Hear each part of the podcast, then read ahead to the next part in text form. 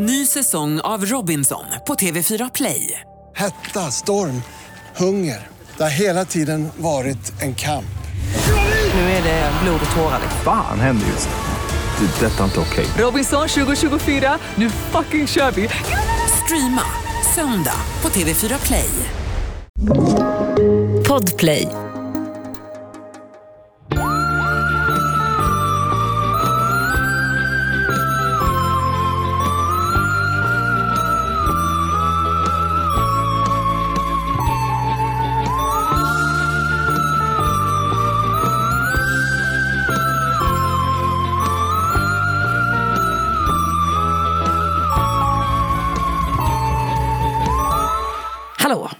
Hallå Anna. Hallå. Hallå, hej. Hallå Karin.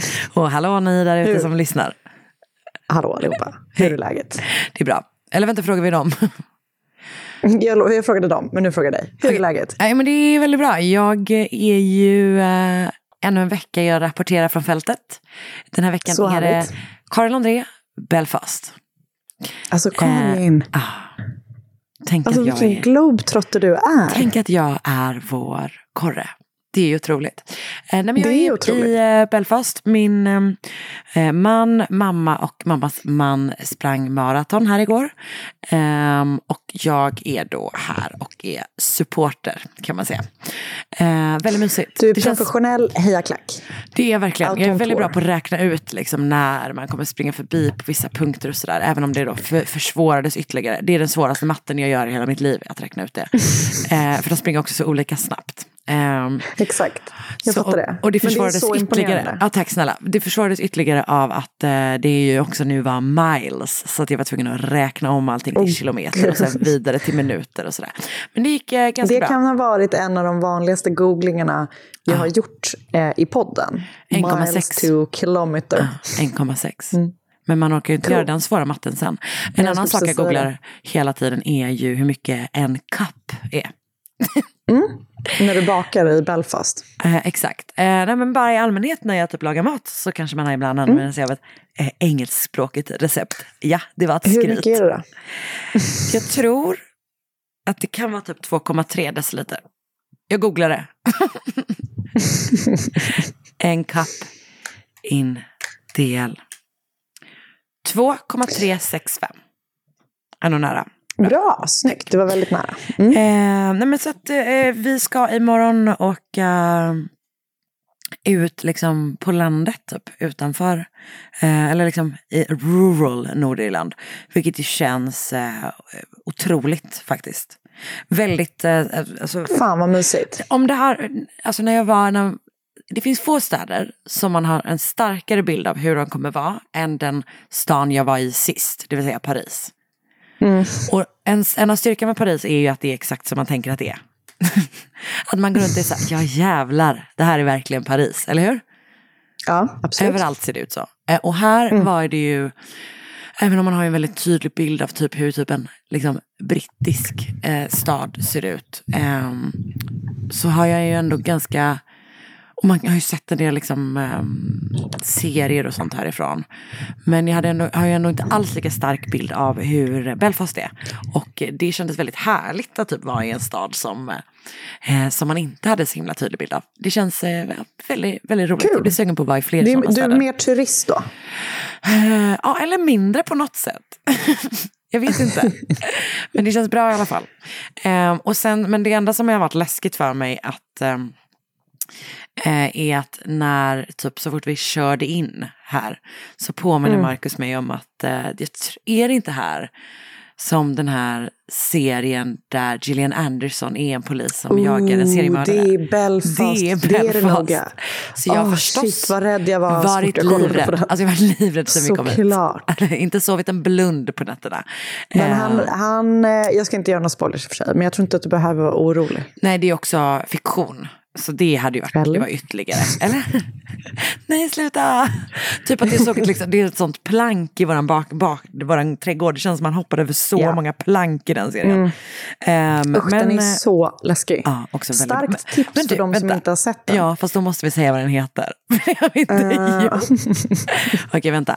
Gillian Ehm, Anderson. Den heter något som typ The Killing, Ja, fast det är inte exakt. The Killing. Men den heter någonting sånt. Så som alla heter, The Fall. The Fall heter Fall! den. Heter The Fall! Mm, den heter det. Mm. Bra Eh, Karin. ah, På bra. en gissning tog du det. Och det är ju han Jamie Dornan. Som är jättesnygg. Men också Men blev lite mindre snygg. Ja, och blev lite mindre snygg när han var eh, Mr Grey. Ja, men äh, kanske Fast jag har också... sig inte sett dem heller. Men, Men äh, bara tanken på.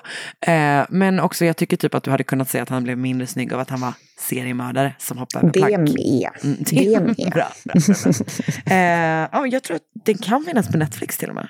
Kanske? Kul. Kul. Jag var helt besatt av den när den kom. Ja, jag med. Otrolig. Och Gillian Anderson är ju bra. Ja, hon är bäst. Eh, ja, men så det är det jag håller på med. Idag har jag varit i en eh, bokaffär som hade passat dig väldigt bra. För att det var bara, nästan Harry bara... Potter-bokaffär. Vad sa du? Nej. Vad sa du? Jag sa en Harry Potter-bokaffär. Nej. Nej. Men nej, men det var, bara massa, det var väldigt mycket deckare. Kul. Eh, som hette, så det var väldigt, eh, det var ändå härligt. Den hette No Alibis Bookstore Okej. här i Bra. Belfast. Om man skulle befinna sig här. Ska man gå dit? Kul tips, bra tips, kul, bra. Eh, jag blev stressad av att jag avbröt dig. Så att, Nej, nej, kör, kör, kör. hackigt. Ehm, berättade jag om den här boken som jag lyssnar på nu? Som är så läskig så att alltså, jag var tvungen att sätta på mina drömmars stad mitt i natten för att jag liksom var så rädd. Nej. Berätta. Alltså, inte...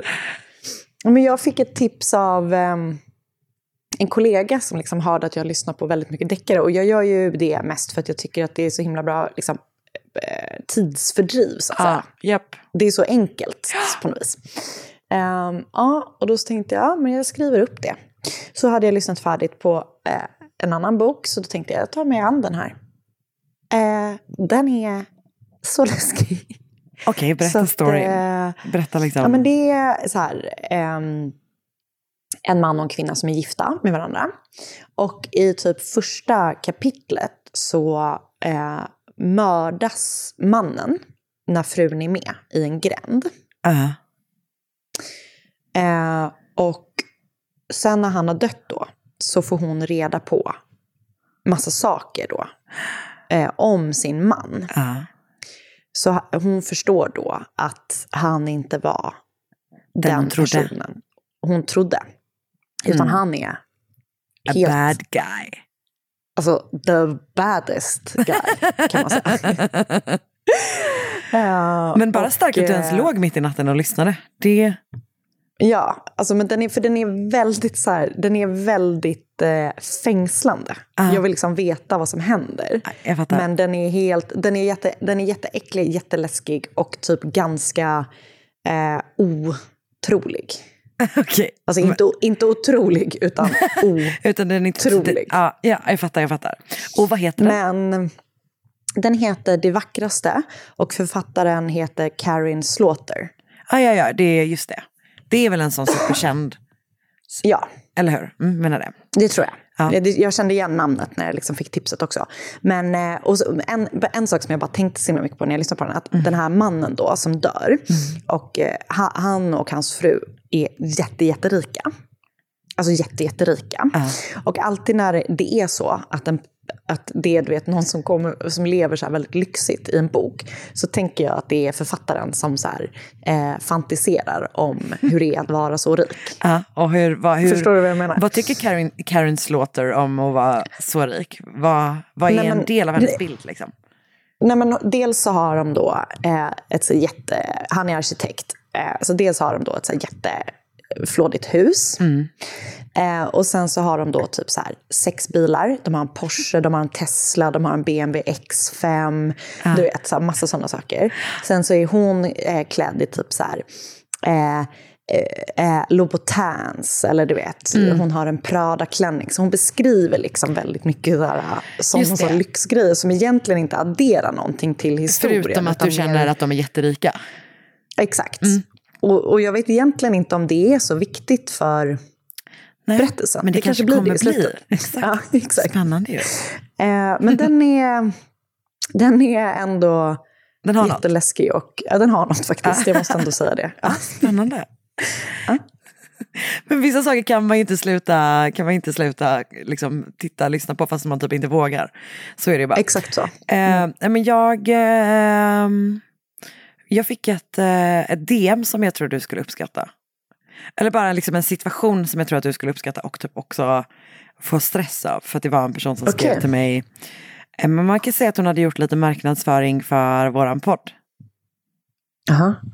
Att hon hade suttit på en föreläsning typ. Alltså en, eh, på typ Zoom eller Nej, men motsvarande. jag tror, att jag, lä- jag tror jag fick samma. Hon hade suttit på Okej, en föreläsning. Mm. Och sen hade hon hade varit en paus. Och så hade hon börjat lyssna på oss. Och sen hade hon inte mutat sig själv. Så att hon bara körde, körde livepodd rakt ut till hundra personer. Väldigt kul. Jag gillar det.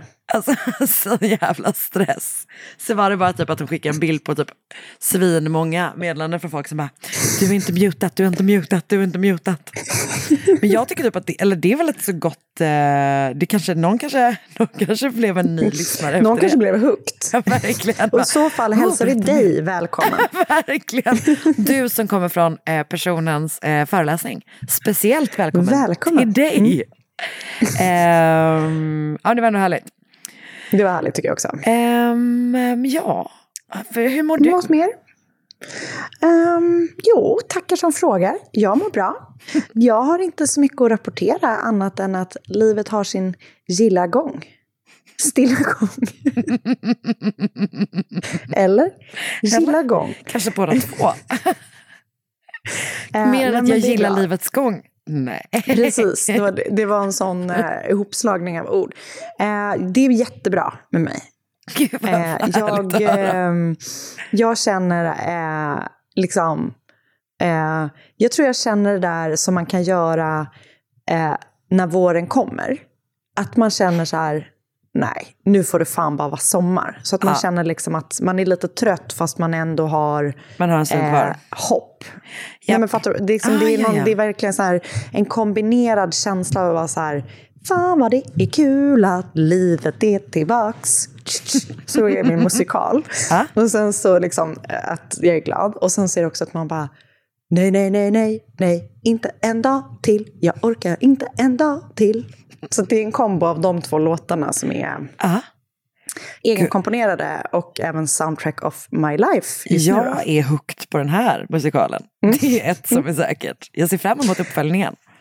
Ja, och det ska bli kul när du också skrivs in i mitt eh, liv igen nu när du flyttar upp till, eh, när du är tillbaka i stan. På torsdag. När Mm. de flesta lyssnar på det här avsnittet, då har jag återvänt. Mm. Underbart. Det är sjukt. Det ska bli väldigt Och då mysigt. är det mer, ja, ja, ja, jag älskar mitt liv. Karin är tillbaks. Doobidoo-doo. Och nu går jag äta glass. bakom dig och jag gör jazz hands, jazz hands. Ja, jättebra. Du passade rakt in, jag kände det Eller hur? verkligen. Jag gick rakt in och tog min roll. Bra, ja men då kör vi. Ja, visst. Hej. Ny säsong av Robinson på TV4 Play. Hetta, storm, hunger. Det har hela tiden varit en kamp. Nu är det blod och tårar. Fan händer just nu. Det. är Detta är inte okej. Robinson 2024, nu fucking kör vi! Streama söndag på TV4 Play.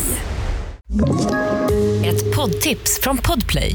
I fallen jag aldrig glömmer djupdyker Hasse Aro i arbetet bakom några av Sveriges mest uppseendeväckande brottsutredningar.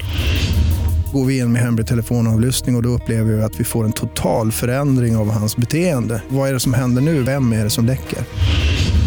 Och så säger han att jag är kriminell, jag har varit kriminell i hela mitt liv men att mörda ett barn, där går min gräns.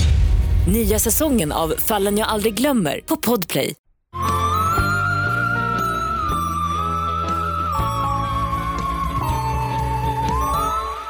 Båten SS Jongala sjönk den 23 mars 1911 på grund av att den missade varningar om eh, en storm.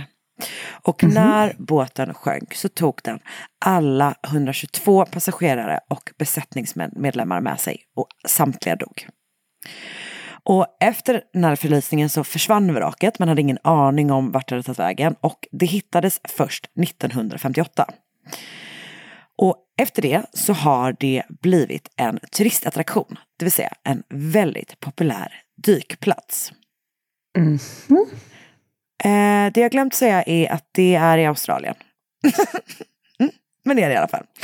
Eh, och det är ett ganska svårt dyk. För man går ner vid liksom en boj och sen så eh, går man liksom ner till, till eh, det är, båten ligger på ett djup av 30 meter. Men liksom översta punkt är typ 16 meter ner tror jag det stod. Så att man går ner vid den här bojen och sen så är det ganska starka strömmar som liksom för en eh, genom dyket typ vid det här vraket. Så man liksom åker med strömmen som jag förstått det. Och sen så går man upp vid en annan boj liksom. Det låter jätteläskigt. Ja, jag, frukt, men alltså jag, jag är ju rädd för att dyka från början, vill absolut ja, inte dyka. Med. Jag är livrädd för vrak. Alltså det är, mm. det jag är fruktansvärt rädd för vrak. 30 mm. meter ner, nej jag vill inte, mm. alltså. Så det, mörkt, det är så många läskiga fiskar. Ja, verkligen. Eh, och det här också, det har blivit som ett sånt, um, det är ett extremt liksom, um, det är väldigt mycket liv här. Alltså det, jag tror att det typ har tagits över av liksom koraller och rev och sådär. Liksom. Mm. Så, att, så att det är ett väldigt spektak spektakul spektakulärt dyk. Eh, men det är liksom inget dyk för nybörjare. Men trots det så skulle Tina Watson genomföra just ett dyk på SS Jongala den 22 oktober 2003. Och hon skulle göra det här liksom, dyket under en dykkryssning som hon var på tillsammans med sin man sedan 11 dagar tillbaka. Han hette Gabe. Så de är mm -hmm. på sin honeymoon. Och Tina hade bara fem dyk i sin loggbok sedan tidigare. Hon hade aldrig dykt på öppet vatten och hon hade aldrig dykt djupare än nio meter. Mm. Men hon hade Gabe med sig och han hade inte bara genomfört hela 55 dyk utan också en räddningsdykarkurs. Så jag antar att det, liksom... ändå känts lite tryggt. Ja men eller hur, och det är liksom hennes man och sådär. Och jag antar att det är på grund av det då som besättningen på dykarbåten Spoil Sport som de är ute med. Eh, de accepterar när Gabe och Tina säger att hon inte behöver ett träningsdyk innan de dyker på Jongala. Trots att de egentligen tycker att hon har så lite erfarenhet att det vore nödvändigt. Men så blir det alltså inte och istället så går Tina och Gabe ner på Jongala strax eh, innan 10.30 på morgonen. Bara tio minuter, eller bara minuter senare, inte, alltså det är liksom typ några få minuter, så kommer Gabe tillbaka upp till ytan för att larma om att något fruktansvärt håller på att hända. Tina har fått panik och börjat sjunka så snabbt att han inte hinner ikapp henne. Och hon har liksom fortsatt sjunka hela vägen ner till havsbotten. Men innan någon från ytan hunnit ner till Tina så har dykinstruktören Wade Singleton sett Tina under vatten, eh, liggande livlös på rygg på havsbotten och fått med sig henne upp till ytan. I 40 minuter försöker man med hjärt och lungräddning rädda Tinas liv, men sen tvingas man ge upp. Tina Watsons oh. sjätte dyk blir hennes sista. Alltså jag får sådana alltså, ångestkänslor av det här mm. att jag typ inte kunde värja mig från, från det här för att jag fick sån panik. Mm. Eh, så nu tänkte jag att jag ska berätta lite grann om eh, hur, det, hur vi hamnade här. Typ. För Christina May, kallad Tina då, föddes i Tyskland den 13 februari 1977 men kom som bebis till USA.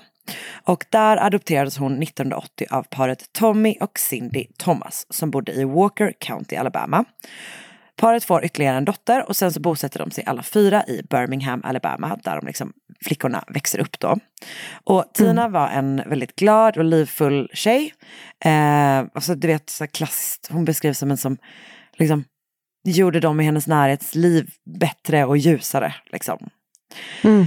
Eh, hon har eh, ett problem med, med, med hjärtrytmrubbningar och får diagnosen paroxysmala supraventrikulära takykardier.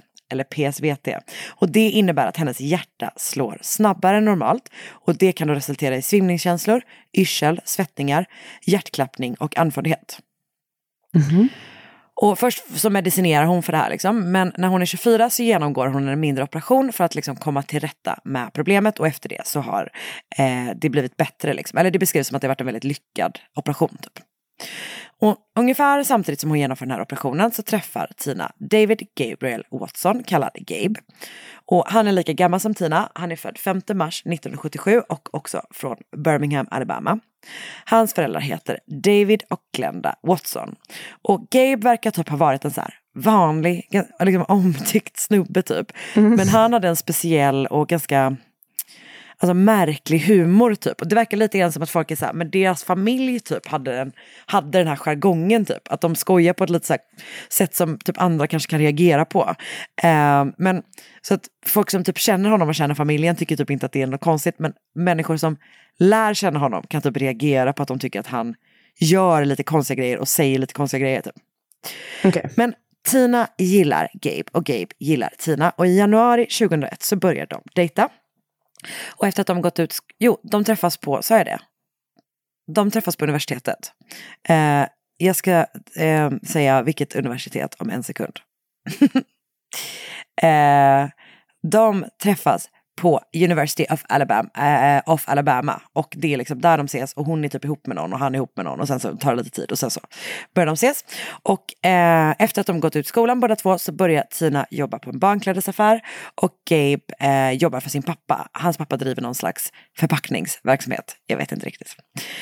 Men så de är ihop, de har gått ut skolan eh, och liksom eh, det är liksom en väldigt seriös relation. Den rör sig liksom åt ett seriöst håll om man säger så. Men de har ett stort problem. Tinas föräldrar gillar inte Gabe. De har, det finns liksom folk som säger att eh, de typ inte gillar, har gillat hennes tidigare eh, pojkvänner heller och de är liksom väldigt rädda om henne sådär. Eh, men i takt med att relationen mellan de här två blir seriösare så blir relationen eh, mellan Gabe och svärföräldrarna allt sämre. Eh, de gillar liksom inte hur han är mot Tina. Och ett exempel är då att något år in i relationen så köper Gabe en förlovningsring. Mm. Som han liksom låter Tina veta att han har köpt. Nej.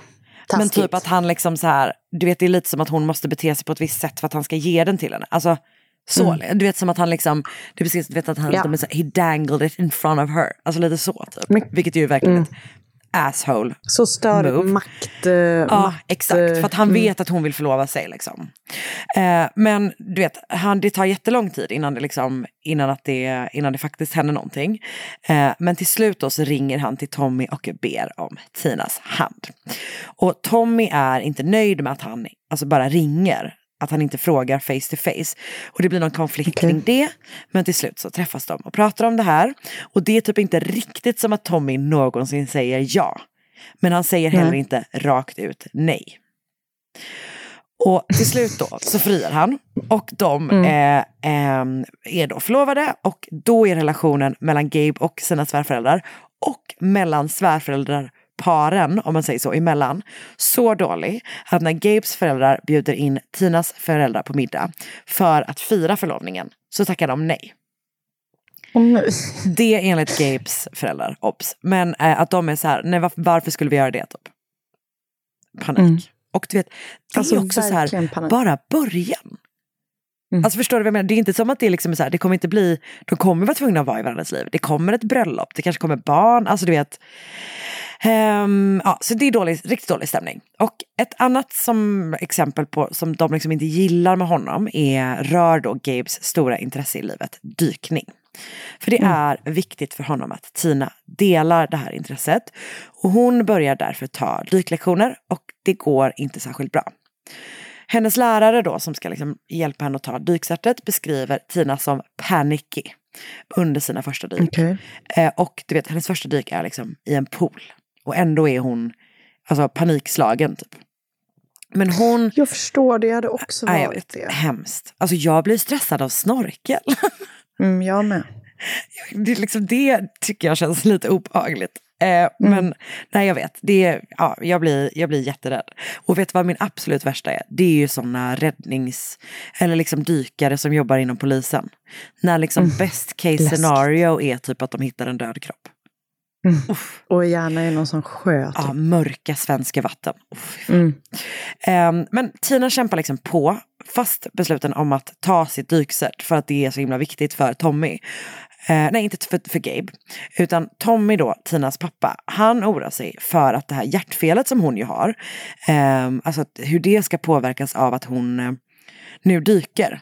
Ehm, Ja, för han- jag är ingen dykexpert, men jag trodde man, liksom att man var lite så begränsat av vad man Ja. fick göra om man hade sånt. Ja, eh, ja, det är lite oklart där. För det är, alltså det är, hon mår bra liksom. Eh, och jag vet inte hur just det här hjärtrytmrubbningarna, hur det påverkar och sådär. Men, men Tommy är i alla fall orolig och eh, tar upp det med Gabe. Men Gabe typ bara säger så här, "Ja, men nu är det så här att om jag ska göra sånt som Tina vill göra så måste hon göra sånt som jag vill göra. Och jag vill dyka typ.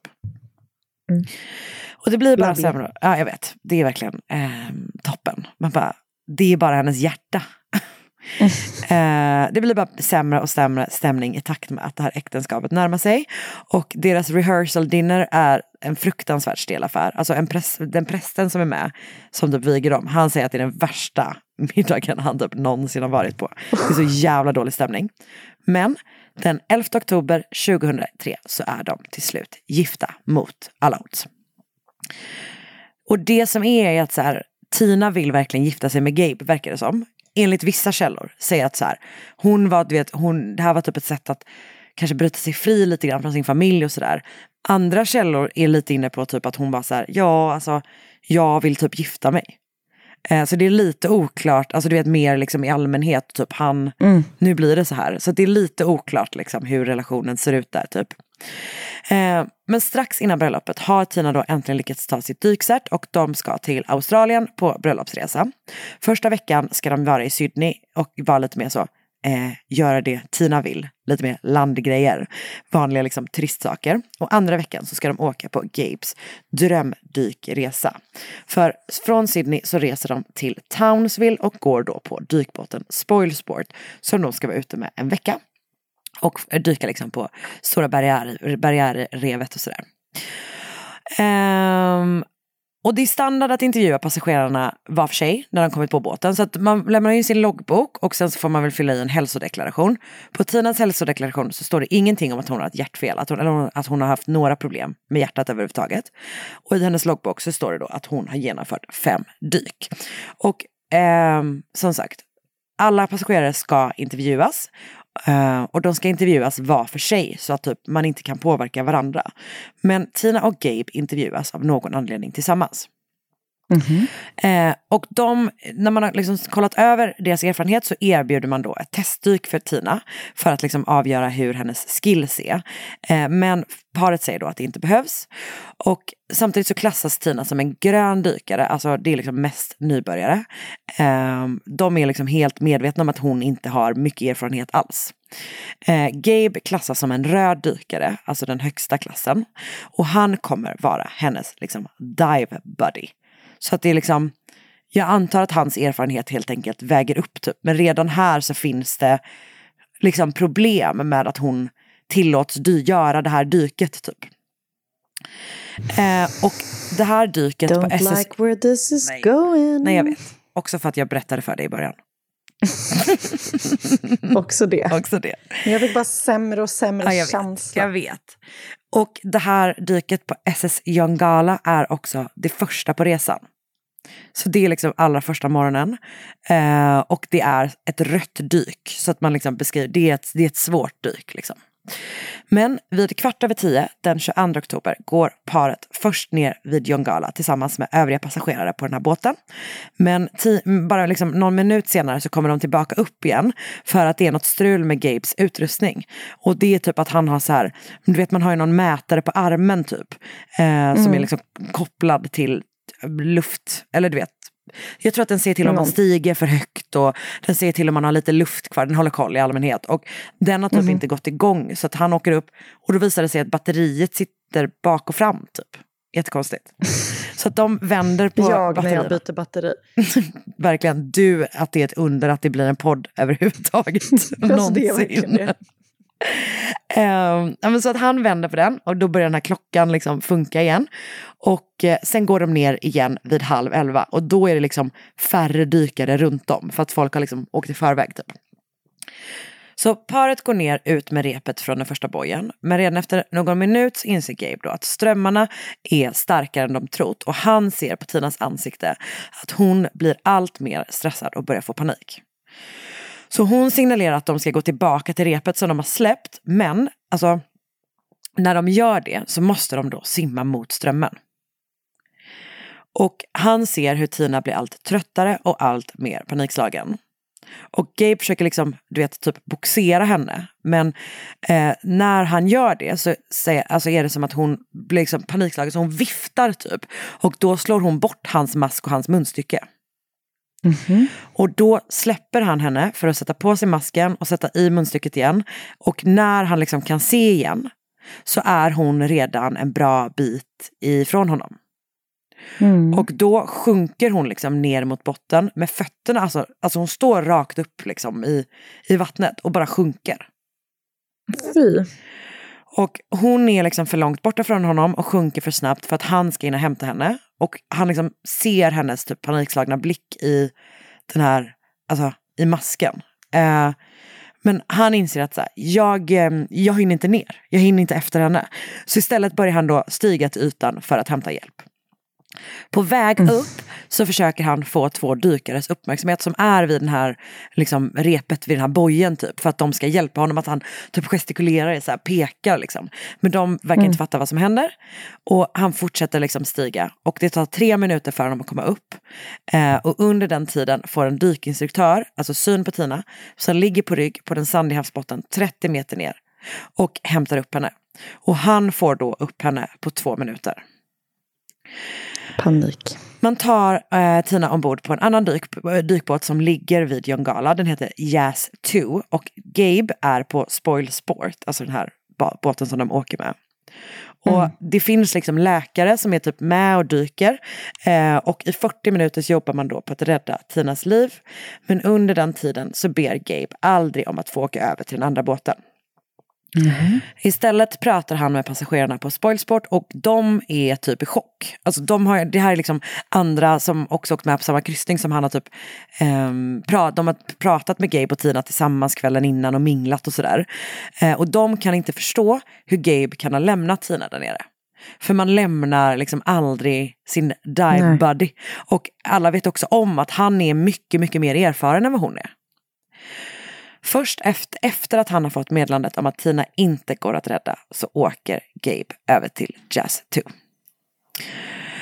Och efter det här då så åker de här båtarna liksom in, tillbaka in till Townsville och eh, polisen börjar liksom ta reda på vad som har hänt för att det är liksom ändå en, alltså en de misstänker inget brott i det här läget eller så men, men eh, man behöver ju ändå utreda vad som har hänt. Och polisen reagerar på att Gabes historia ändras från ett förhör till nästa. Först genomför de två stycken förhör eh, med några dagars mellanrum. Eh, och de tycker typ att det är, ja, men det är lite konstigt typ. Men framförallt så hajar de till när de pratar med andra dykare. För det finns dykare som säger att Gabe visst borde ha hunnit ikapp Tina utan problem. Alltså han borde bara kunnat ha liksom gjort några fentag efter henne för att få tag på henne. Och dessutom så har han inte gjort ett antal grejer som hade kunnat hjälpa henne när hon fick panik. Man har ju vikter på sig när man dyker för att liksom komma ner och han har inte tagit bort några vikter från hennes väst. Man kan också släppa in luft i västen så att man liksom börjar flyta uppåt. Så man lyfter. Ja, Mm. Det har han inte heller gjort. Han har inte heller liksom, du vet, gett henne, för dykare har ju extra luft, som, alltså ett extra munstycke. Typ. Han har inte gett henne någonting därifrån heller typ. Och det anses då väldigt konstigt att en utbildad räddningsdykare stått så handfallen inför den här liksom, nödsituationen. Dessutom så hittar man inte ett enda vittne som säger sig ha varit en av de två dykare som Gabe försökt uppmärksamma på vägen upp. Trots att man då intervjuar samtliga närvarande. Däremot så finns det ett vittne som säger, sig, eh, som säger att han har sett en, vad han tolkar som en manlig dykare, liksom en större dykare, krama om mm. eh, vad han tolkar som en, en kvinnlig dykare, typ bakifrån, under vattnet. Mm. Så han har sett den liksom omfamna, eh, den här mannen har omfamnat den här kvinnan bakifrån och sen har han liksom plötsligt släppt henne typ. Och efter det har hon typ börjat sjunka till botten. Och den här mannen, okay. det här vittnet är en av de som uppmärksammar den här dykinstruktören som sen åker ner och hämtar Tina. Typ.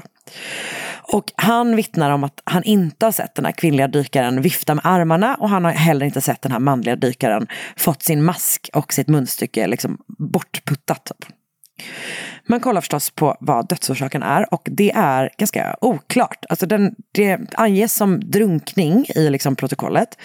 Eh, men Tina har inte typ massor av vatten i lungorna.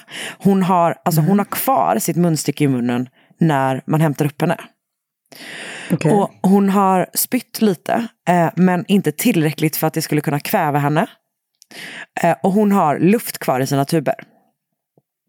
Det finns tecken på att hon har haft eh, luftembolism, alltså att, att en luftbubbla eh, i blodomloppet. Liksom.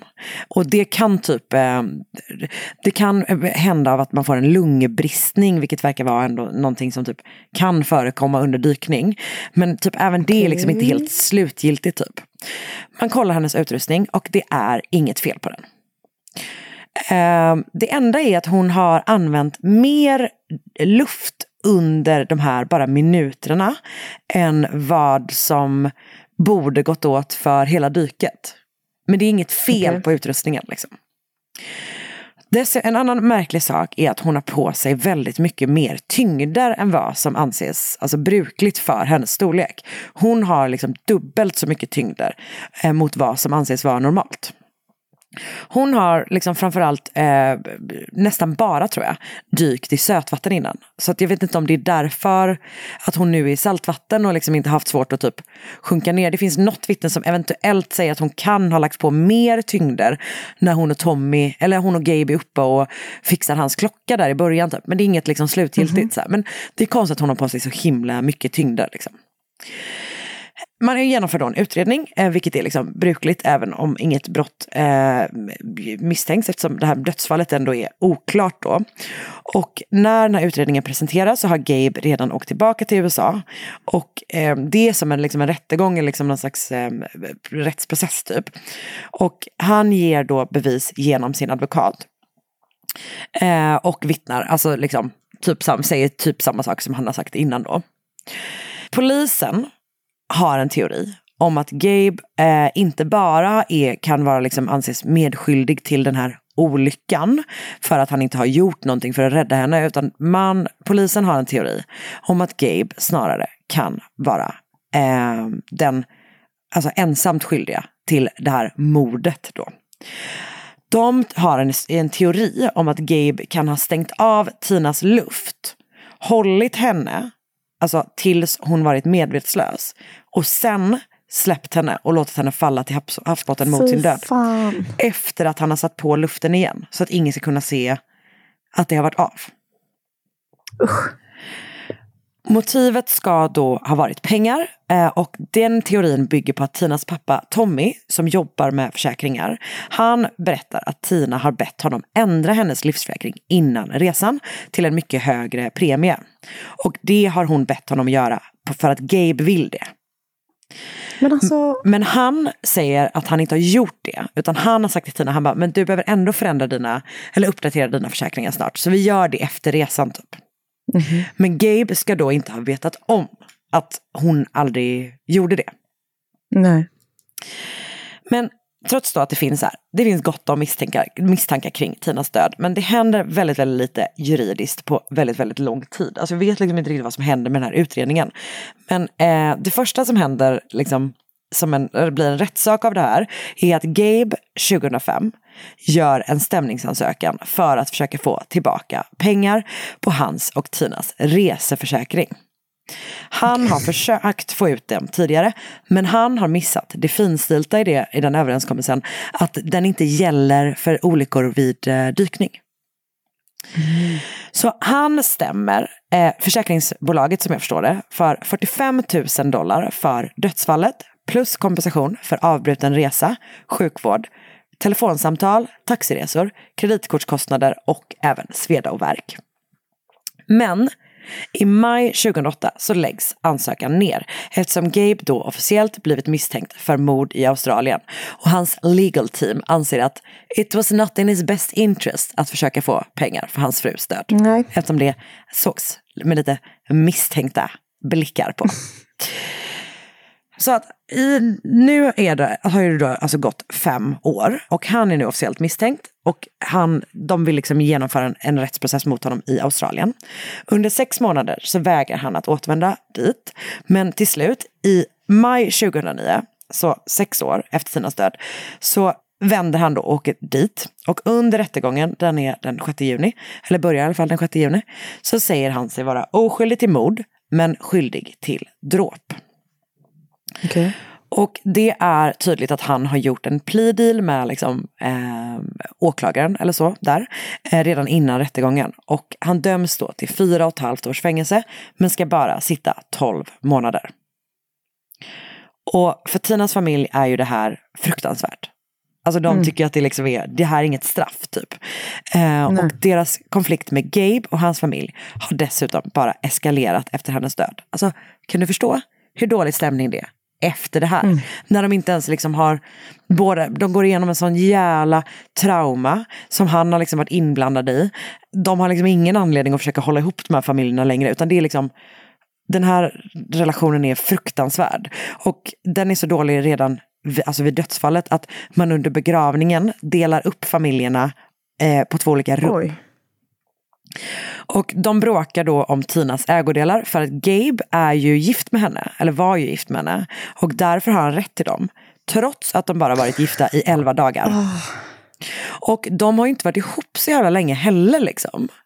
Och som sagt, dessutom är ju Tommy och Cindy då övertygade om att Gabe åtminstone varit liksom medskyldig till deras dotters död. Mm. Så att du vet att han kräver att de ska lämna över alla hennes grejer. Och alltså... de begraver henne på en gravplats först, som de äger. Men Gabe kräver att hon ska flyttas till en som han äger. Alltså typ några mm. hundra meter bort på samma kyrkogård. Sen sätter han ingen gravsten vid gravplatsen, alltså på flera år. Och dessutom så försvinner blommor som Tinas familj placerar på graven. Och det gör att polisen börjar, alltså de sätter upp övervakningskameror vid den här, eh, vid graven. Och då kan man liksom se Gabe komma dit och typ skära bort blommor och ta bort grejer som de har lämnat där. Men alltså... När han konfronteras med det säger han att det är för att Tina inte gillade plastblommor. Mm. Det här beteendet är ju onekligen misstänkt. Mm. Eh, och att han gör så här och dessutom eh, att han har tagit den här plea och fått typ inget straff alls i Australien gör då att de blir allt mer sugna på att genomföra en rättsprocess mot honom i Alabama. Mm. Okay. Och det kan man ju inte göra om, eftersom mord, det liksom påstådda mordet har utförts i Australien. Utan men det de säger är att han, eh, han lär ha planerat det i Alabama. Så de går på någon liten sån luring typ. Så de klargör då att de tänker åtala honom i USA så fort han har suttit av sitt fängelsestraff i Australien. Och eh, efter att de australiensiska myndigheterna fått ett löfte om att dödsstraffet inte fanns på bordet eh, så utvisas han till USA efter att han har suttit av sin tid i Australien och grips då hösten 2010 för mord och för kidnappning. Mm. Så att man liksom får det till att, att han har tagit med henne på den här dykresan är typ det som blir kidnappning. Um, mm. Och den 13 februari 2012, alltså det här är ju nio år senare, åtta och ett halvt år senare, Shit. ska rättegången till slut börja. Alltså all typ medierapportering och liksom opinionen i allmänhet har ju varit väldigt mycket att Gabe är skyldig till det här. Um, men under rättegången så händer det alltså vänder det lite grann kan man säga. Okay. För att, ja men delvis, det finns liksom lite olika saker som gör att bilden av honom och det här eventuella brottet då ändras. Delvis så är det en dykexpert som tidigare har sagt att Gabe borde ha kunnat ta upp Tina till ytan utan problem. Han ändrar sig efter att han har sett Gabes dykloggbok. Och han har då insett att hans erfarenhet inte varit alls lika omfattande som han har trott. För han har gjort 55 dyk, men de flesta är liksom enkla dyk. Det är väldigt få på öppet vatten och han har typ ingen erfarenhet av att dyka i strömmar och så.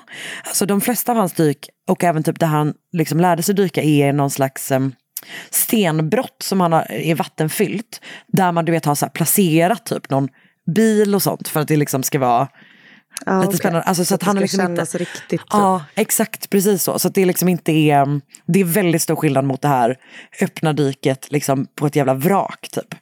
Den här säkerhetsutbildningen som han har gjort är liksom Mm. typ en kort version av den man brukar göra. Den brukar vara åtminstone fyra dagar. Han har gjort det på bara två. En läkare vittnar, vittnar om att Tina borde ha undersökts av en kardiolog innan hon tilläts dyka alls. Precis som du var inne på. Att det här med hennes liksom, hjärtproblem, ehm, det är inte självklart att hon borde ha fått göra det här dyket på det här stora djupet vid, alltså, med tanke på den, hennes liksom, eh, hennes historia. Ehm, så det är liksom inte, inte, helt, inte helt bra typ. Och eh, ett vittne från båten berättar att Gabe behövde hjälp med att sätta på sig sin utrustning den morgonen. Vilket ytterligare då befäster bilden av honom som typ snarare en, en amatör än ett proffs. Typ.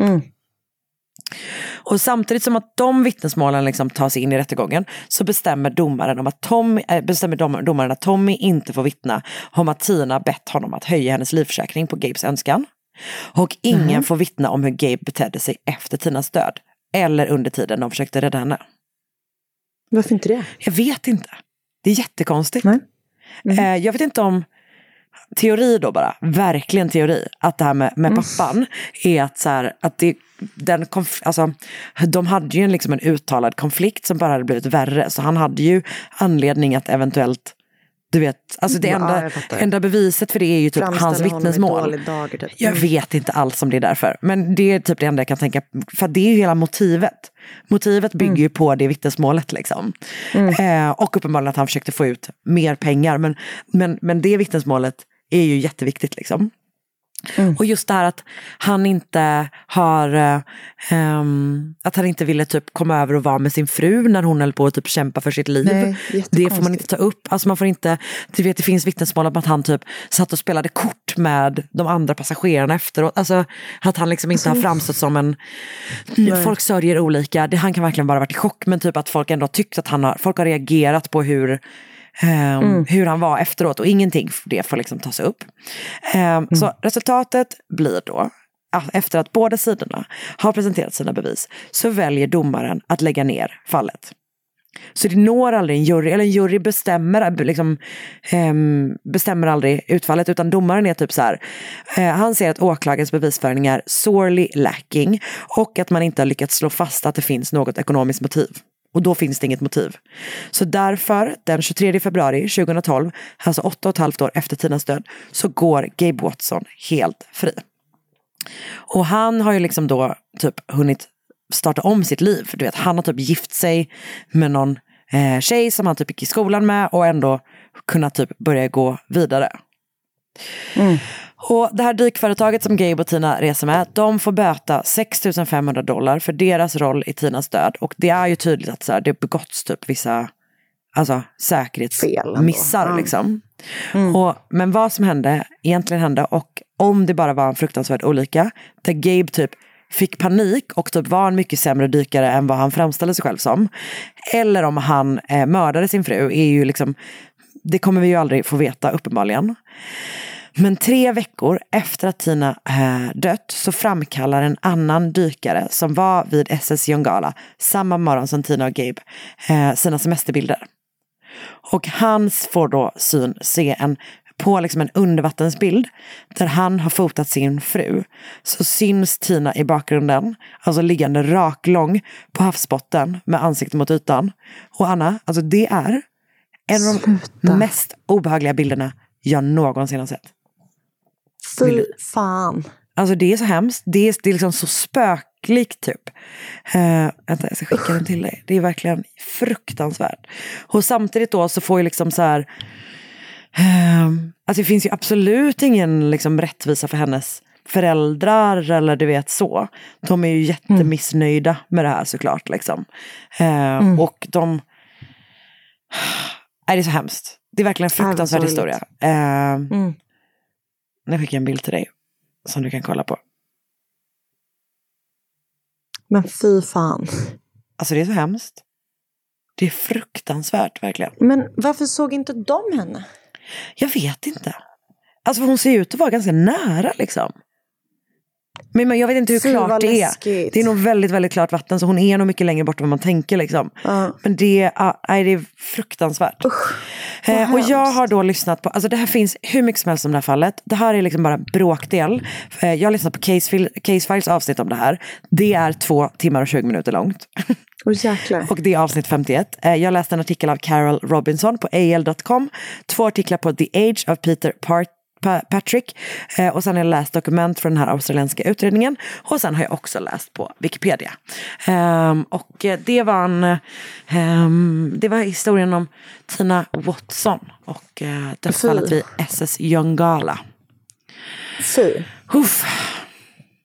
Tack Karin, det Tack. var fruktansvärt att lyssna ja, på. Usch, förlåt. Eller det var, ja, det var en fruktansvärd historia. Ja, det var det verkligen. Ny säsong av Robinson på TV4 Play. Hetta, storm, hunger. Det har hela tiden varit en kamp. Nu är det blod och tårar. Fan händer just det. det detta är inte okej. Okay. Robinson 2024, nu fucking kör vi. Streama söndag på TV4 Play. Ett poddtips från Podplay. I fallen jag aldrig glömmer djupdyker Hasse Aro i arbetet bakom några av Sveriges mest uppseendeväckande brottsutredningar. Går vi in med hemlig telefonavlyssning och, och då upplever vi att vi får en total förändring av hans beteende. Vad är det som händer nu? Vem är det som läcker?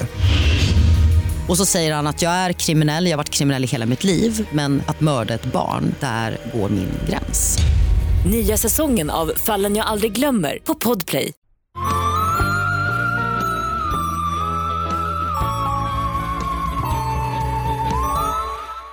Karen Gregory var född och uppväxt i Menands i New York State. Hon pluggade på Nazareth i New York där hon tog en Bachelor of Arts och en Bachelor of Science degree. Hon var en så kallad people person och hon hade massvis av vänner och var väldigt omtyckt. Hon var en sån person som skulle ställa upp i vått och torrt för sina vänner och hatade när folk snackade skit om andra. Eh, hon var en väldigt aktiv person och hon älskade att simma och cykla och vara utomhus. Och utöver det så var hon också väldigt road av att typ kulturella saker, du vet, gå på teater, konsert och sådär. Det låter som hon hade ett så busy liv. Alltså verkligen, för hon tyckte också om att läsa mycket och att laga mat. Hon gjorde allt. mm. Men eh, när Karen var, Karen var då eh, typ 30 och några, typ så 34-35, så var hon i valet och kvalet om hon skulle flytta till Jamaica. Hon älskade jamaicansk eh, liksom, kultur och reggae och sådär. Och var väldigt sugen på att flytta dit. Eh, eller om hon skulle stanna i Gulfport i Florida, som är då en så här lugn, eh, fin strandstad i Florida, som verkar vara lite så artsy, du vet. Det mm. verkar vara en behaglig plats. Mm. Där hon då arbetade som servitris. Och då träffade hon David Mackey. Och David var psykoterapeut och eh, han arbetade med Vietnamveteraner. Och det blir instant attraction. Ja, vi är här i början på 80-talet, skulle jag kanske säga. Ja. När de träffas. Då är det typ 83. Eh, och det var instant attraction. Och de börjar dejta och blir kära. Och när de har dejtat i ungefär ett år så föreslog David att Karen skulle flytta in hos honom eftersom hon ändå tillbringade större delen av sin tid där. Mm. Så hon bestämde sig för att stanna i Gulfport och ge relationen med David en ärlig chans. Hon hade också fått eh, ett nytt jobb som typ grafisk designer. Eh, så eh, sagt och gjort, hon flyttade in i Davids hus och det liksom verkar ändå ha varit väldigt bra. Så. Mm. Och eh, så en dag i slutet på maj 1984 skulle David, och då har Karen alltså precis flyttat in. Hon har kanske bott hos honom i typ, alltså liksom, hon, håller på, eller hon håller fortfarande på att flytta in sina saker egentligen. Ah. Hon vet gör någon sån, lite så, transition-flytt, så att hon tar lite pö om pö. Men så Mm. säg att hon har liksom ändå officiellt bott där i ungefär en vecka. Då ska David åka iväg på konferens i Providence i Rhode Island. Och då började jag tänka, kommer du ihåg den serien som hette Providence? Eh, Absolut, självklart. Jag tyckte, det var ju verkligen en vuxenserie. Ja, men så mysig på något sätt. Men alltså, eller vänta. Ja, nu blandar jag ihop den. Blandar ihop det med Felicity. Nej, jag blandar ihop den med en mamma och en pappa som var frånskilda som träffar varandra. Alltså som sin ny partner. Ja, Okej. Den heter kanske Over Again. Det känns som att den också var i Providence. Säkert. Men just det, Providence. Okej, eh, jag insåg det nu när jag sa det här. Eh, men Providence också, det var också en bra serie. Ja. Eh, dit ska han i alla fall åka på konferens. Och han ska vara borta i en vecka ungefär. Och eh, de är så här, hej då, puss puss. Du vet, han, hon vinkar av honom. Eller om hon kör honom till flygplatsen till och med. Ja. Och så säger de, vi håller kontakten, liksom, du vet, vi pratar i telefon. Sånt som man gör, kanske inte lika, med lika mycket lätthet som nu då. Men du vet, de säger, vi hörs och sådär. Vi ses Ja. om en vecka. Eh, och så när David har varit borta bara någon dag så, så ska han ringa hem och prata med Karen. Så han ringer hem till dem. Eh, det här är ju då före mobiltelefoner. Eh, så han ringer hem till deras hus och Karen svarar inte. Så han ringer igen och du vet ringer igen och ringer igen och ringer igen. Sådär. Så han, det går liksom flera samtal utan att hon svarar. Eh, och ehm, det, det liksom, han börjar bli orolig. För då har det kanske gått något sånt, du vet. Ett halvt dygn, du vet, det har gått Ja. lång tid utan att han får tag i henne. Så han är bara så här, okej, fan vad konstigt. Så han ringer då till deras kompis och granne Amy för att be henne eh, att gå över och titta till så att allting var okej med Karen. Eh, Så hon säger så här, ja, visst kan jag göra det. Eh, och så går hon över till huset medan David väntar i telefonen hemma hos henne. Så hon eh, går till huset som då bara ligger precis bredvid dem eller tvärs över gatan. Och så när hon kliver upp på verandan så ser hon så här, okej här är krossat glas eh, utanför entrédörren. Eller nej, okej, först så kommer hon liksom på sidan av huset till, du vet, det finns, det är en huvudentré och sen så finns det typ som en köksentré. Så hon går Ah. till, först till sidodörren och knackar på, inget svar. Så går hon runt och då ser hon att det ligger krossat glas framför liksom huvudentrén som är på någon liten så trappa upp typ. Eh, så hon knackar på igen och det är ingen som svarar nu heller. Så hon bestämmer sig för att kika in genom ett fönster. Och då får hon då se något fruktansvärt. Och hon kan inte riktigt se liksom exakt. Det, det, är liksom, det är lite skymd sikt. Men hon ser att Karen då, hennes vän och granne, ligger på golvet. Och att det är mycket blod runt henne. Så Amy får då panik, springer tillbaka hem till sitt hem, säger i telefon till David att hon måste ringa, på, ringa polisen. Och så slänger hon på luren och ringer då genast till polisen som kommer till platsen. Och alltså tänk paniken för David som bara är så här, vad fan har hänt? För hon säger liksom ingenting mer, utan bara så här, jag måste ringa tillbaka typ. Eller jag måste ringa polisen. Eh, så när polisen då kommer in i, eh, eller kommer hem till Karen och Davids hus, så lägger de märke till först liksom att så här, det är inte tecken på att någon har brutit sig in i huset. Det är liksom på dörren så ser man, in, det är ingen som har liksom brutit sig in så att säga. För att det här, ja. Eh, men det är stökigt i vardagsrummet eller där man kommer in. Det är liksom tydligt att det har varit en kamp inne i huset. För det är då trasiga saker, eh, bland annat då det här fönstret som man förstår är liksom trasigt från insidan. Så det är inte så att någon liksom har slagit rutan utifrån för att ta sig in, utan det är att det har varit liksom en, en fight där inne. Typ. Så att, ehm, det är väldigt mycket blod runt Karen. Så att de, liksom, den medicinska personalen om man ska säga, som kommer dit, de kan inte avgöra vad det är som har dödat henne. där på platsen för att det är så mycket blod. Liksom. Oj. Det är blodiga fotavtryck runt om i huset som man först inte ser, för de har typ så svartbetsade golv. Så det är först när man liksom börjar, du vet, så här, de kan typ ana att det är någonting, men det är liksom blodavtryck, eh, fotavtryck i blod runt om i huset. Mm. Däremot så finns det då inget blod på Karens egna fötter. Så det är liksom inte hon som har blivit skadad och gått omkring, utan polisen förstår då att det är eh, mördaren eller någons annan än Karens fotspår på platsen. Då. När hon hittas så har hon en t-shirt på sig och en sån, du vet, underklädesbody utanpå t-shirten. Liksom. Okej. Eh, så det ser ut, och det brukar man ju kanske inte ha. Så att eh, polisen tror då att eh, hon har blivit påtvingad den här eh, av eh, förövaren. Och det leder då polisen till att tro att det finns ett sexuellt motiv bakom mordet. Eh, hon har också ehm, typ handavtryck i blod på sin kropp. Åh, gud vad äckligt. Så det startas då såklart en polisutredning och Karens kropp tas in eh, för att genomgå en rättsmedicinsk undersökning. Och då visar det sig att hon har blivit knivhuggen 20 gånger, så det är liksom ett otroligt övervåld som hon har blivit mördad med. Och hennes hals är liksom avskuren. Eh, hon har blivit eh, våldtagen eller utsatt för liksom, sexuella övergrepp. Och hon har blivit mördad eh, ungefär en och en halv dag innan hon hittas av Amy och polisen.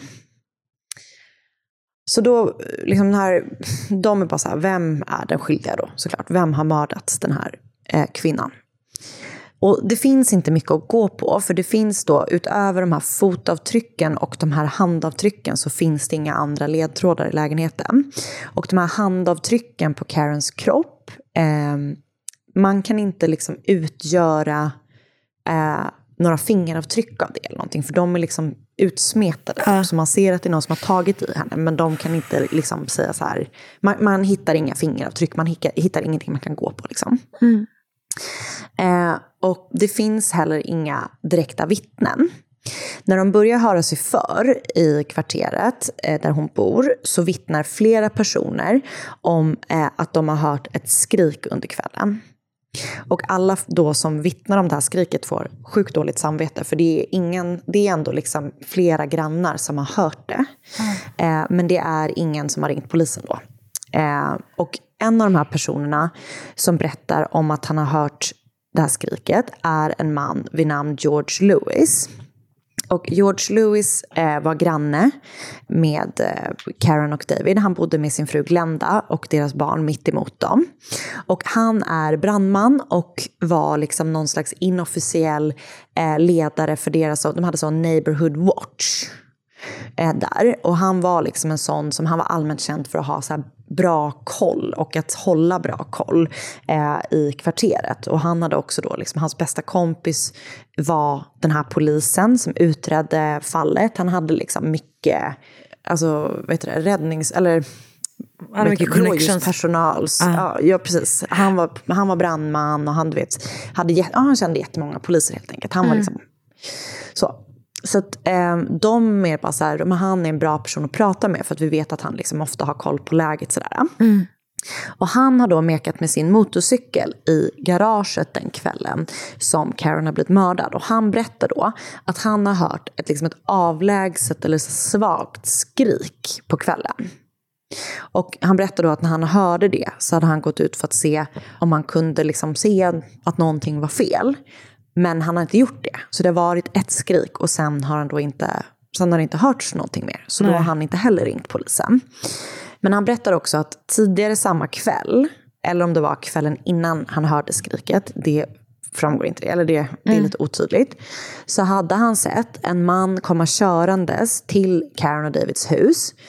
Och så har han sett den här mannen kliva ur sin bil. Eller det var, förlåt, det var samma kväll som hon blev mördad. För det var klock, han har hört skriket typ ett på natten.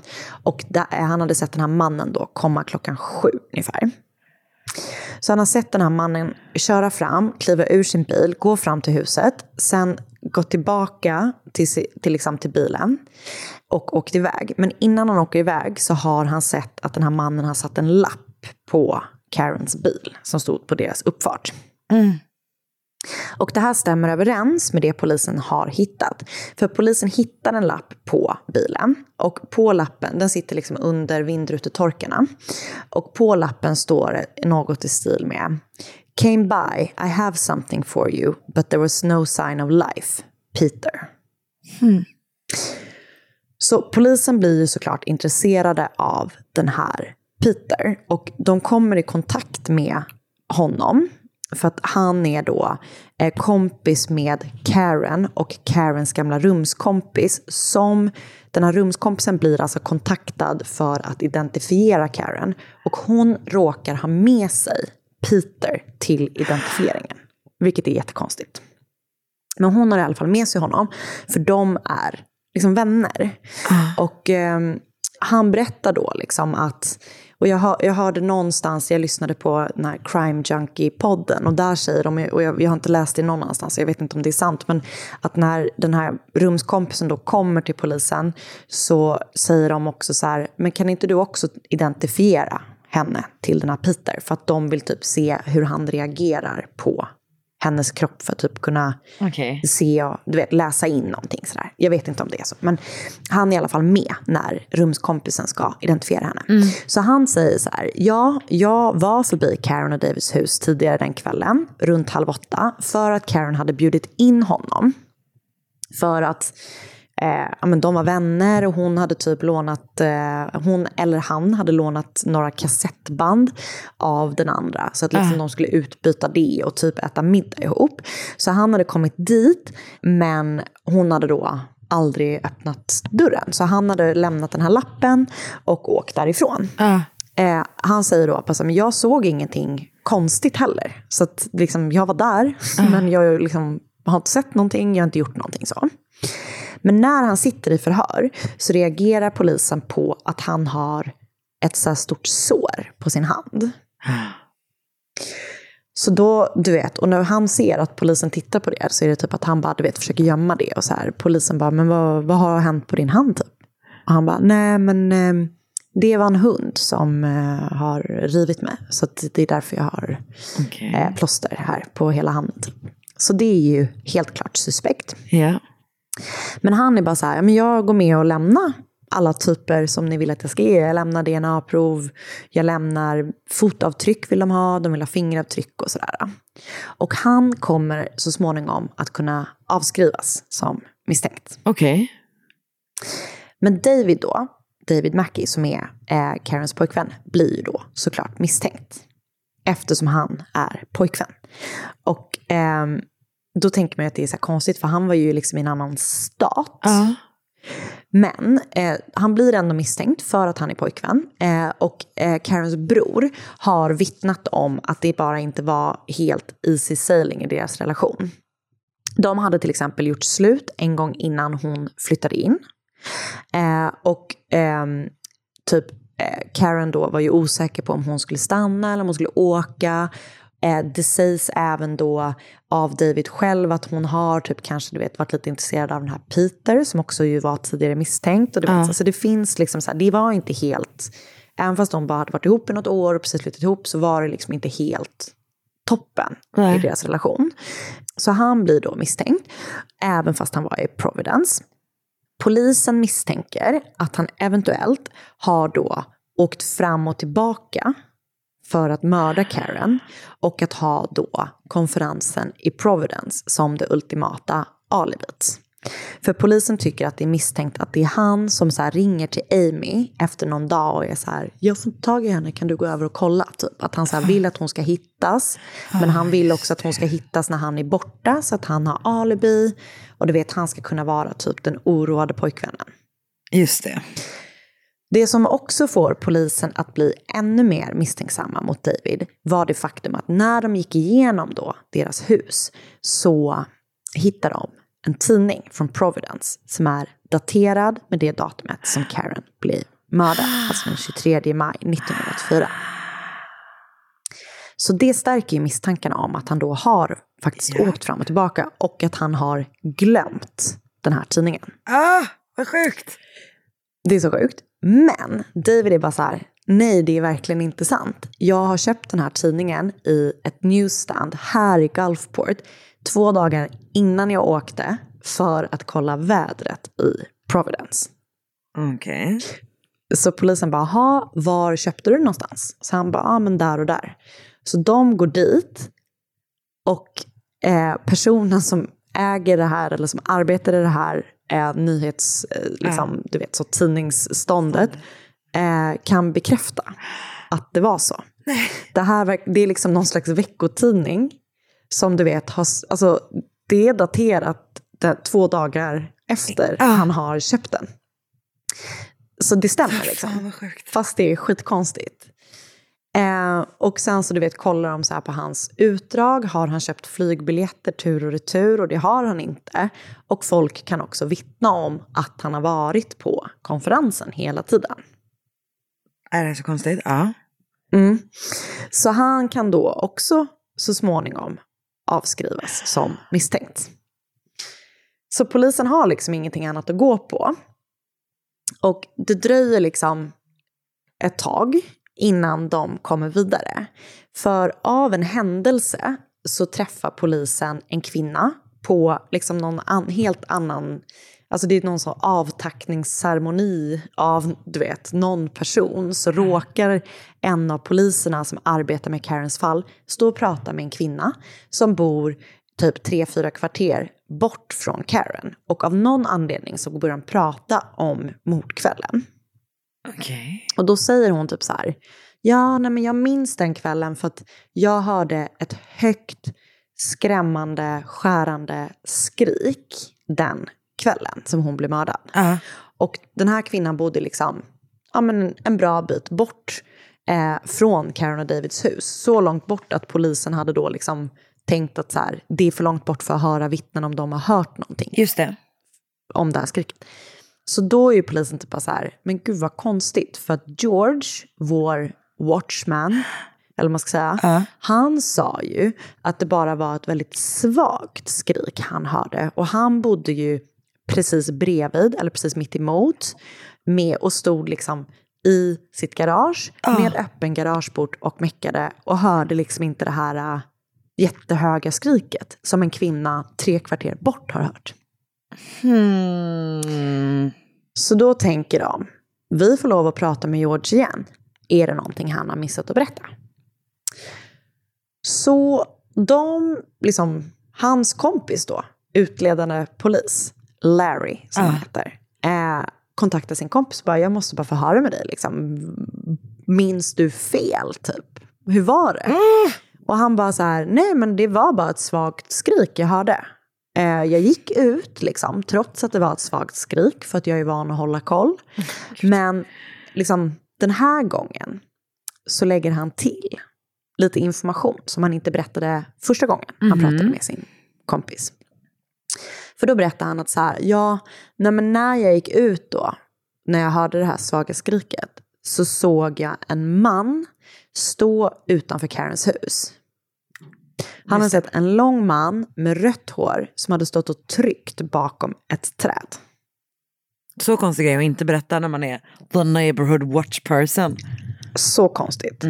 Och när polisen då frågar varför han inte sagt någonting om det här första gången, så har han liksom inte något direkt svar på det.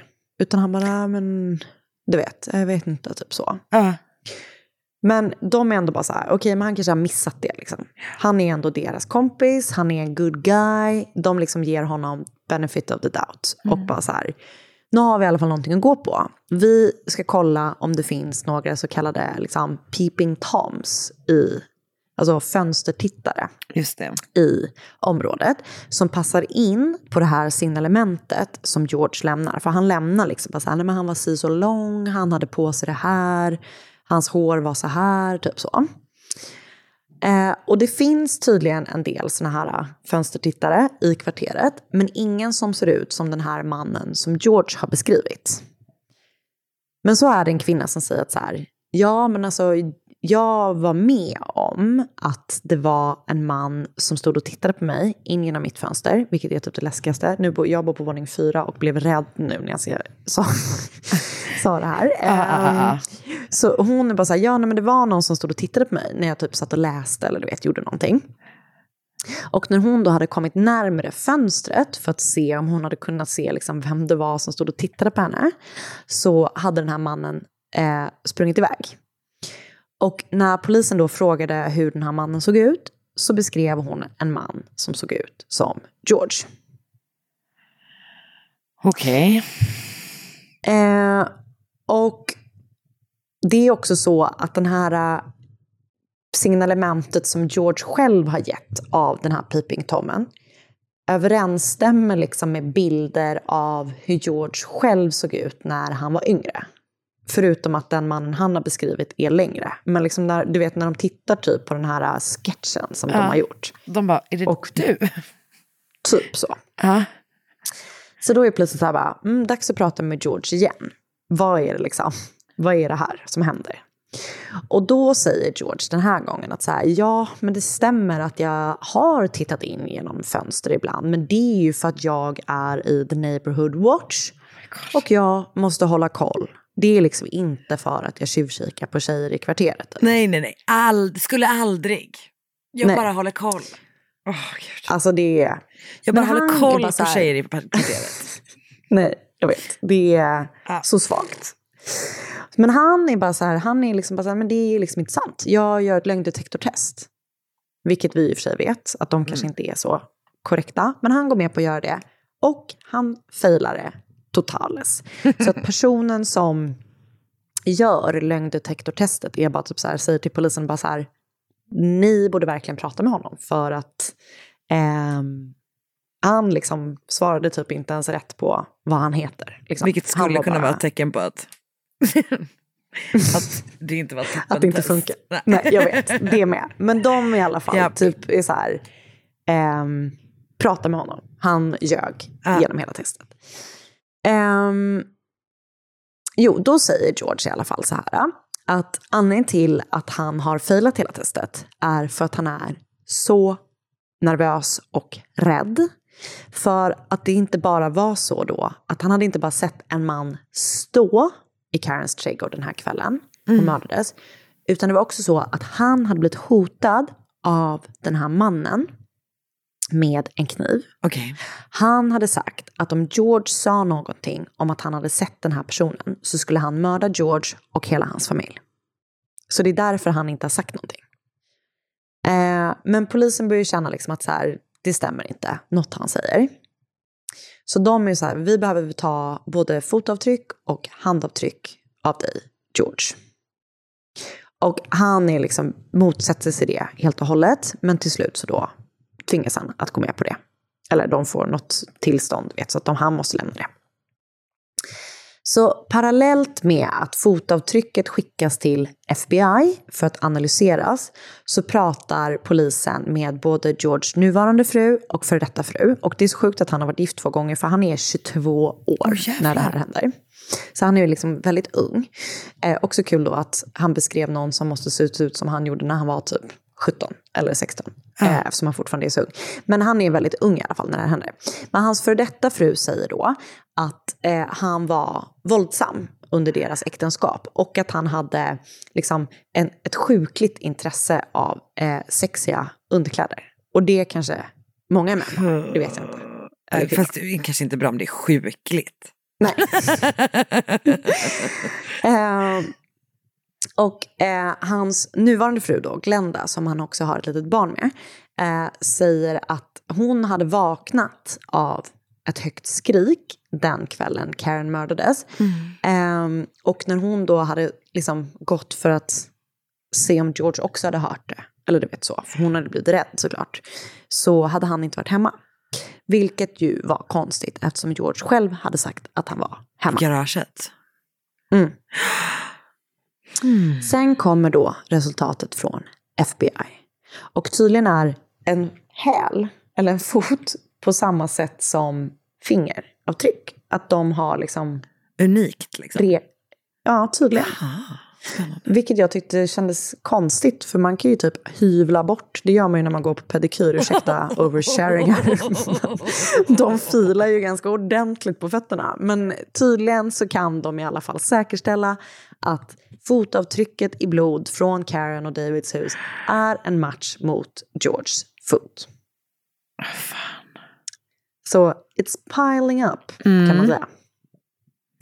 Så polisen frågar då George om det här.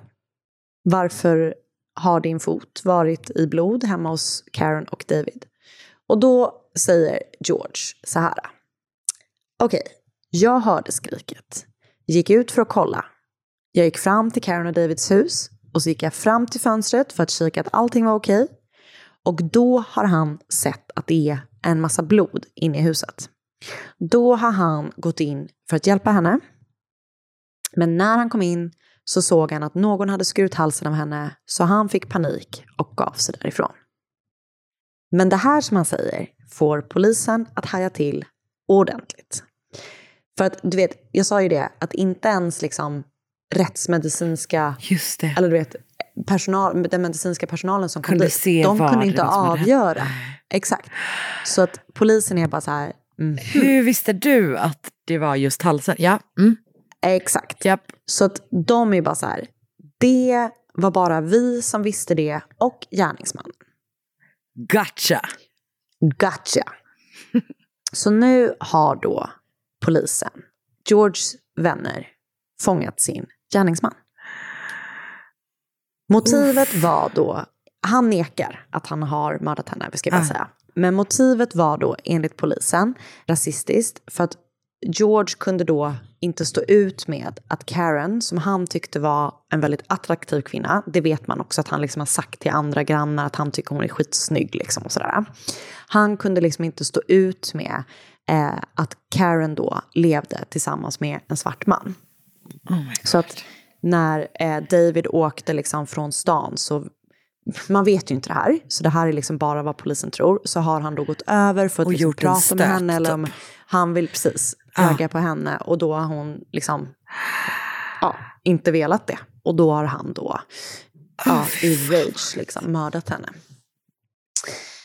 Um, så i mars 1986, nästan två år efter att Karen mördats, så grips han i alla fall för mordet på Karen. Han döms då mot sitt nekande till livstid i fängelse för mordet på Karen och för sexuellt ofredande. Han försöker få resning flera gånger och The Innocence Project of Florida tog sig an hans fall för att de trodde då uppenbarligen att polisen gripit och fällt fel person. Vilket det verkar ha varit många fler som liksom delade den uppfattningen. För många hade svårt att tro att George då, som var polis, eller inte polis, som var brandman, han var liksom, alla tyckte att han var liksom en good guy verkligen. Uh. Eh, så det var många som inte kunde förstå att han skulle ha kunnat gjort någonting sånt här. Och flera av hans kollegor då skänkte delar av sin lön, både för att betala hans rättegångskostnader och för att hjälpa hans fru och barn och sådär som han hade. Uh. men Eh, domen kvarstod och eh, jag tror nog att liksom, den stora allmänna uppfattningen är nog att han faktiskt eh, liksom, mördade henne. Och George avled i fängelset i december 2015, drygt 30 år efter att Karen mördades. Oj oh, jävlar. Mm. Så jäkla hemskt. Det var faktiskt helt fruktansvärt. Fruktansvärt. Ja, jag vet. Så det var i alla fall mordet på Karen Gregory. Och jag har sett avsnittet eh, Kill Thy Neighbor i serien Perfect Murder på Discovery+. Plus. Eh, måste säga riktigt, riktigt dåligt avsnitt. eh, det var nog en av de värsta sån reenactment-serierna jag sett. Men, men de intervjuar liksom de riktiga poliserna. Vet, så ah. Det är ändå intressant. Men det var eh, skrämmande dålig, eh, dåligt skådespel. Eh, jag har lyssnat på Crime Junkie och det avsnittet heter Murdered, Karen Gregory. Och så har jag lyssnat på Generation Y och det avsnittet heter också Karen Gregory. Och så har jag läst Florida Neighborhood Watch Captain Exposed as Peeping Tom, Murderer and Rapist av Sharon Lynn Pruitt på oxygen.com och former firefighter George Lewis convicted in 1984 Gulfport murder dies in prison på Tampa Bay Times och den är skriven liksom av redaktionen. Det mm. finns inget namn. Usch. vad hemskt. Jättehemskt faktiskt. Tack så jättemycket. Och tack även till er som har lyssnat. Tack Eh, själv. Så det var en frukt, fruktansvärt tung vecka. Eh, så jag var tycker det att vi, eh, vi hörs nästa vecka helt enkelt. Det gör vi. Okej, Ha det bra. hej då! Hej då. Ny säsong av Robinson på TV4 Play. Hetta, storm, hunger. Det har hela tiden varit en kamp. Nu är det blod och tårar. Fan händer just det. Det är detta inte okej. Robinson 2024, nu fucking kör vi! Streama söndag på TV4 Play.